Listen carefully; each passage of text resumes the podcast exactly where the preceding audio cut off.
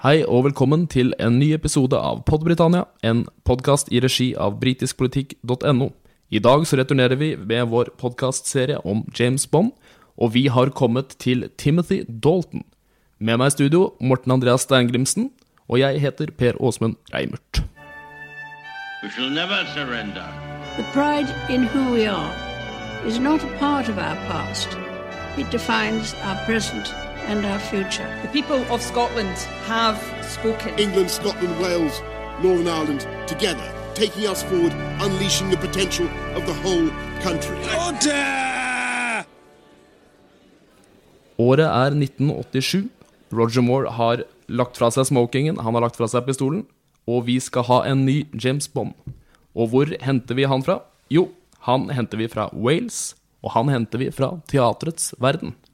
Morten, hvem er denne Timothy Dalton? Nei, Timothy Dalton han var eh, Som du var litt inne på, så er, var jo han kanskje aller mest kjent som en eh, teaterskuespiller. Han hadde jo spilt i flere eh, filmer òg. Jeg tror bl.a. Flash Gordon, hvis jeg ikke tar helt, eh, helt feil. Men det er på en måte teaterskuespillet han var først og fremst kjent for. Og han har samarbeidet jo bl.a. med Royal Shakespeare Company. Så dette var en, ja, en veldig seriøs og dyktig teaterskuespiller. Du hører det litt i stemmen hans. Eh, Etter Sean Connery så vil jeg tørre å påstå at dette er den beste, den sterkeste røsten, kanskje. Og det har et sånn Shakespeare-preg. Absolutt, og du merker det at han- også når han spiller uh, James Bond, at da merker du at han er veldig shakespearsk, og at han en Han er vant til å stå på scenen, og han er vant til å uttrykke seg veldig tydelig. Vil du si det er en uh, suksess, eller vil du si at det ikke helt funker uh, i Bond-sjangeren? Altså, jeg syns jo at uh, noe av det aller beste som Dalton brakte til, til bordet som James Bond, var at, han, at det var ja, altså, en mye mer seriøs tolkning av James Bond-karakteren. Og, og det at han hadde en tung bakgrunn som teaterskuespiller og har tolket veldig mange Shakespeare-stykker, gjorde at han fikk kanskje mye mer større tyngde da, som Bond-karakter. Hvis du sammenligner Dalton med forgjengeren Roger Moore, så så, så er jo Dalton mye mer overbevisende som en eh, agent. Eh, Men det er klart at det er jo i noen av eh, ja, sexscenene, annet, i, i Bond-filmen han var med i, hvor eh, han ja, har liksom ja, Han har en Shakespeare-stemme under de scenene, da, og da man, burde man kanskje hatt litt mer mykere fremtoning. Eh, Men i det store og hele så syns jeg det funker veldig godt. Han er jo veldig tøff i disse filmene, og det er jo en litt, eh, eller ganske stort skille fra Roger Moore sin tolkning. Ja, definitivt. Altså, det er en helt annen, eh, helt annen tolkning og helt annen approach til, eh, til rollen. Og det som var veldig viktig for Dalton da han fikk tilbudt rollen, var jo at han ville gå tilbake til eh, den litterære skikkelsen eh, skapt av Ian Fleming. Så Dalton leste mange av de tidlige bøkene igjen, eh, bl.a. 'Casino Royal', den første romanen, og 'Live and Let. Og det som vi har vært litt inne på i tidligere episoder, er jo at det er litt forskjell eller det er ganske stor forskjell faktisk på, på bøkene og filmene. Eh, bøkene er veldig eh, mørke, og i bøkene så er Bond en veldig skadet person. Um, han lever um, som om hver dag er hans siste, og han har et um, uh, Og han sliter med indre demoner. Og og det er klart at er man en kaldblodig morder uh, og som opererer på, på, på oppdrag fra Hennes Majestet, så, så er det klart at um, det er et veldig tøft eh, og, og vanskelig yrke. Og dette er noe som Dalton eh, gjerne ville ha frem da, i, i sin tolkning. Så det var radikalt forandret, eh, og forskjell, til forskjell fra Roger Moore. Hvordan syns du den eh, debutfilmen hans er, 'Living Daylights'? The Living Daylights var en av de aller første Bond-filmene jeg så. Husker jeg var liten gutt. Jeg husker den dagen var etter skoletid på 90-tallet en gang. Jeg så den filmen for første gang, og den gjorde jo et veldig stort inntrykk. Og på det tidspunktet så hadde jeg eh, sett flere av Roger Moore-filmene, så jeg ble veldig overrasket over den mer realistiske og alvorspregede um, stilen da, på de filmene. Og at um, ja, gadgetsene var noe tonet ned. og, og Dalton var ja, mye mer seriøs da, i, i rollen som, som Bond. Så Eh, Så den filmen gjorde et veldig stort eh, inntrykk på meg. Og, og som Ian Flemming-elsker så kan man også se veldig mye Flemming-elementer fra forskjellige bøker. og um, så, og det er også en film som har eh, en eh, nerve og in, intensitet, og den er rett og slett veldig spennende fra begynnelse til, eh, til slutt. Og, og jeg syns at Dalton gjør en veldig god rolle, en veldig god debut, som, som Bond. Det finnes jo en annen Bond nå, vår nåværende Bond, som er uh, på en måte blitt kjent for å gjøre Bond tøff. Men uh, jeg så disse filmene nylig nå, og jeg syns jo at uh, Craig egentlig på mange måter gjør noe Dalton allerede har gjort, egentlig. Ja, absolutt. Og Dalton var, var nok forut for sin tid eh, med denne tolkningen. Eh, jeg tror også litt av bakgrunnen for at man valgte å lage litt mer alvorstunge, mer seriøse, skråstrek realistiske Bond-filmer, det var jo veldig populært på den tiden å lage hardbarka, tøffe actionfilmer. Se bare på Rambo, Dødelig våpen eller Die Hard. Så, med castingen av Dalton så ønsket man jo å lage filmer som var hva skal vi si, mer i ett med tiden. da. Og, og, og være en del av den der voldelige actionfilmbølgen på, på 80-tallet. Men ser man på besøket og inntjeningen til Daltons to Bond-filmer fra 1987 og 1989, så, så, så, er det klart at eh, filmene tapte Eller gjorde det dårligere eh, sammenlignet med de, de andre storfilmene på 1980-tallet. Eh, og jeg tror nok ikke publikum var så klar for en så alvorlig bånd på det tidspunktet. Selv om de åpenbart likte å se andre tøffe actionfilmer med, med, med, veldig lite gimmick. Da. Men så tror jeg også at sammenlignet med Dalton med Roger Moore så er det så stor forskjell. da Så, så jeg tror rett og slett at publikum ikke var, var klar over det. Men, men, for meg så er det definitivt som du sier, altså store likheter mellom Daniel Craig og, og Timothy Dalton. Men, men, jeg tror nå i nyere tid, da pga. Jason Bourne-filmene bl.a., så tror jeg at folk er mye Og ikke minst pga. kjølvannet av 11.9. og all terroren som foregår rundt omkring i verden, så har verden også blitt mye mer alvorlig. Så jeg tror man er mer mottakelig i dag da, for en, en seriøs bånd. Det skjer jo noe ganske heftig utvikling eh, siste tiden av 80-tallet også.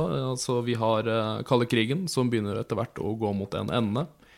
Det er jo på en måte vært den store arenaen for ganske mange Bond-filmer. Den kalde krigen som et bakteppe. Og vil du si det lider av det, eller eh, at du merker at uh, her er på en måte en ny på en måte, verdensordning på vei til å skje? Jeg tror man syns det er interessant det med at den kalde krigen er selvfølgelig godt til stede i, i The Living Daylights, men i den uh, Dolans andre Bond-film, 'License to Kill', så, så, er det jo egentlig ikke så mye prat og snakk om den kalde krigen. Der er, jo, der er vi mer et sånn type Miami Vice-land. og eh, Florida og den andre Bond-filmen til, til Dalton kunne jo på mange måter nesten vært som en episode eh, en Miami Vice-episode. Og det var til og med en av kostymedesignerne uh, bak Miami Vice som jobbet på, på License to Kill. Um, så, så, jeg tror nok de var opptatt på det tidspunktet å finne nye skurker rett og slett, og, og nye trusler som uh, det nye Bond kunne hamle opp med. Og, og det med på en måte hvordan 80 altså, Samtiden har jo alltid speilet Bond-filmene, og Bond-filmene ønsker også å speile samtiden. Um, og det ser man jo tydelig i disse filmene. Ehm, det var jo en aids-epidemi ehm, på, på, den tiden, og, og det førte til at Bond ikke lå med så mange som han kanskje normalt sett gjør. En ting som speiler 80-tallet ganske godt, det er jo vår egen Morten Harket og resten av gutta i a-ha. Fordi i Living Daylight så får vi jo eh, ja, låta som rett og slett heter Living Daylights. Jeg tror det er den eneste låta som er eh, blitt sunget av en ikke-amerikaner, eller en ikke-brite. Morten Harket ble vel til og med tilbudt en rolle, slik jeg forstår det? Ja, ryktene vil ha det, ha det, til det. Eh, jeg tror jeg har forsøkt å få det bekreftet nyere tid, men jeg vet ikke om jeg husker det så godt i dag. Men, eh, men det kan godt stemme. Og, og, det er klart at for oss nordmenn så er jo det utrolig stort at uh, a-ha lagde denne tittelmelodien. Og for meg så er det en av uh, de store høydepunktene. Det er sikkert litt fordi man er norsk, selvfølgelig, men uh, jeg syns også låta holder seg veldig godt. en veldig godt komponert låt. Og, og syns at på en måte sounden da, i denne tittelmelodien blander det på en måte den typiske eh, klassiske Bond-sounden med ikke sant, synthesizere og, og, og, um, og det litt mer ungdommelige preget som a-ha var eh, kjent for. Eh, historien bak låta er jo litt interessant, fordi eh, det var jo Barbara Broccoli, som i dag er sjefsprodusent på Bond-filmene, men på, på 80-tallet var ikke gamlejenta. Eh, men hun var selvfølgelig hun var veldig opptatt av et band, og det var selvfølgelig a-ha. Og da tok, tok hun med eh, filmens eh, regissør eh, og faren sin, som selvfølgelig var godt opp i åra. Og, så sa hun at vet du jeg tror at a-ha bør lage den nye tittelmelodien. Og, eh, og det var sånn de fikk oppdraget. Men så måtte jo a-ha samarbeide veldig tett med den mangeårige Bond-komponisten John Barry. Det samarbeidet gikk vel ikke så veldig godt. Og allerede da de skulle samarbeide om eh, låta, så begynte jo rapporten å komme i både norsk og britisk presse. Um, og jeg tror vel at komponisten John Barry han sa vel at det å samarbeide eh, med a-ha eh, det var ja, som å springe, spille ping-pong-ball med, med flere samtidig. Eh, så det er klart at eh, Men resultatet ble veldig bra, og komponisten inkorporerte også eh, låta til a-ha i hele filmens lydbilde på en måte som kanskje ikke hadde blitt gjort tidligere. Det kan jo også her nevnes at dette var den siste filmen til John Barry, var det ikke det? Ja, stemmer. Og eh, for de observante mm, seere eh, så kan man faktisk legge merke til at John Barry har en liten rolle i filmen, eh, som dirigent, selvfølgelig. Hvilken scene var dette her igjen? Hvis man legger merke til eh, Nå må jeg holde tunga rett i munnen her, men det er vel mot slutten av filmen, tror jeg, så dukker han opp uh, som, uh, som dirigent. Aha. Uh, Men det- er virkelig, man må virkelig konsentrere seg, for det er, hvis du blunker, så, så ser du ikke det. Så det er klart, noen store rolle er det ikke, men det er litt morsomt at han, at han var med i en liten scene. Apropos hvis du blunker, så ser du det ikke. Hvor er Timothy Dalton i dag? Eh, nei, det, det, det, er, det er jo flere som har eh, lurt på. Han har jo vært eh, ganske aktiv, egentlig, siden han, siden han sluttet å spille James Bond. Men det er klart, de aller største filmene har han nok ikke vært med i. Men han har spilt en Toy Story-karakter, blant annet. Jeg tror han dukket for første gang opp i Toy Story 3. Og er litt usikker på hva karakteren heter i farten. Det var vel Prinkle Pants, eller noe ja, sånt? stemmer. Det var det. Og, um, og det er jo en, um, en Kanskje en av hans større roller, men det er selvfølgelig en animert, eh, et animert piggsvin. Eh, men ellers så har hun jo vært, hatt altså, små roller bl.a. som skurk i Hot Fuzz. Og han spilte også skurk i Rocketeer, en Disney-film som kom fra, på begynnelsen av 90-tallet.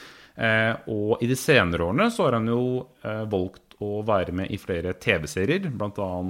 Penny Dreadful, hvor han spilte mot Eva Green, som selvfølgelig spilte Bond-pike, eh, eller Bond-dame, som det politisk korrekt heter nå, i Casino Royale. Eh, han er også med i en eh, annen serie som heter Doom Patrol, en superheltserie som faktisk er ganske bra.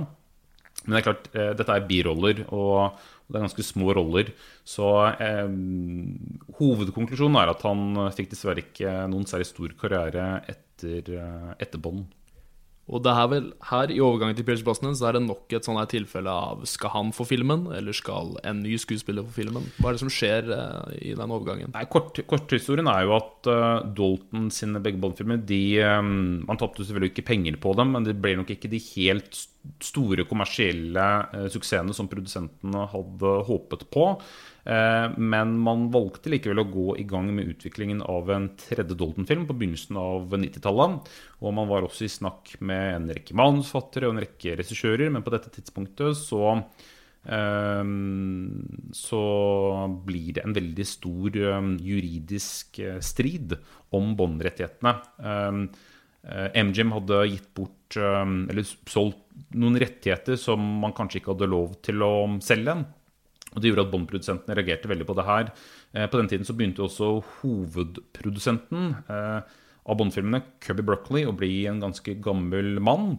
Og det vi husker på, på, på begynnelsen av 90-tallet, at da var jo den kalde krigen var over, altså muren var, eh, var revet. eh, Bond-filmene er på en måte ikke det store brand eller den store merkevaren som det er i dag. Så, så det er veldig få som egentlig hadde troen på at James Bond-filmen hadde noe særlig fremtid. Eh, og eh, Kirby Berkeley og, og, resten av produsentene hadde egentlig heller ikke så tro. Så eh, de la faktisk uh, James Bond ut for salg for flere milliarder norske kroner. Men så var det vel veldig liten interesse å kjøpe James Bond-merkevaren. Så det gjorde at mellom 1989 og 1995 så ble det ikke laget en eneste Bond-film. Så det var altså seks år uten en Bond-film. Så det hadde både sammenheng med det som skjedde samfunnsmessig rundt omkring i, verden, eh, men også at man var i strid med MGM, eh, som for ordens skyld eier 50% av rettighetene til Bond-filmene. Så det er ikke bare brokkolifamilien som eier alle rettigheter, eh, men, men MGM, ja, de må dele rettighetene med, med, MGM.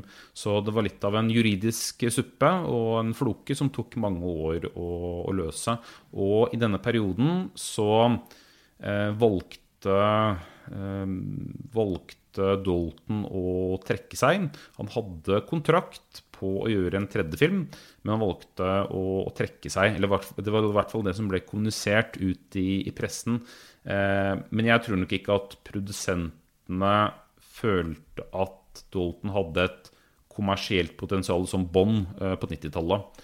Um, eh, og det var så store filmer som dukket opp på 90-tallet. Liksom, True Lies, og, og det dukket opp um, altså, Det ble laget en Beverly Hills Cop-film osv. Så, videre, så så jeg tror ikke Dalton som Bond egentlig ville tålt overgangen. da, Og særlig ikke, fordi at, og ikke minst fordi at filmene hans på 80-tallet ikke hadde gjort det, eh, gjort det så bra sammenlignet med datidens andre store filmer. Han hadde to filmer, 'Living Daylights' og 'License to Kill'. Hva er den, eh, hva er den beste, syns du? Jeg, jeg synes, det er litt vanskelig, fordi jeg har veldig um, Jeg har veldig mange minner da, eh, med 'The Lane Daylight'. Jeg syns det er en fabelaktig film og fantastisk musikk. Eh, et av de aller beste soundtrackene. Um, A-ha er selvfølgelig med. Um, et uh, spennende plott. Er en av de aller siste Bond-filmene med kold krig som et, uh, som et, tema. Eller i hvert fall som, som er i bakgrunnen. Og jeg syns at Dalton gjør en uh, veldig god debut som James Bond.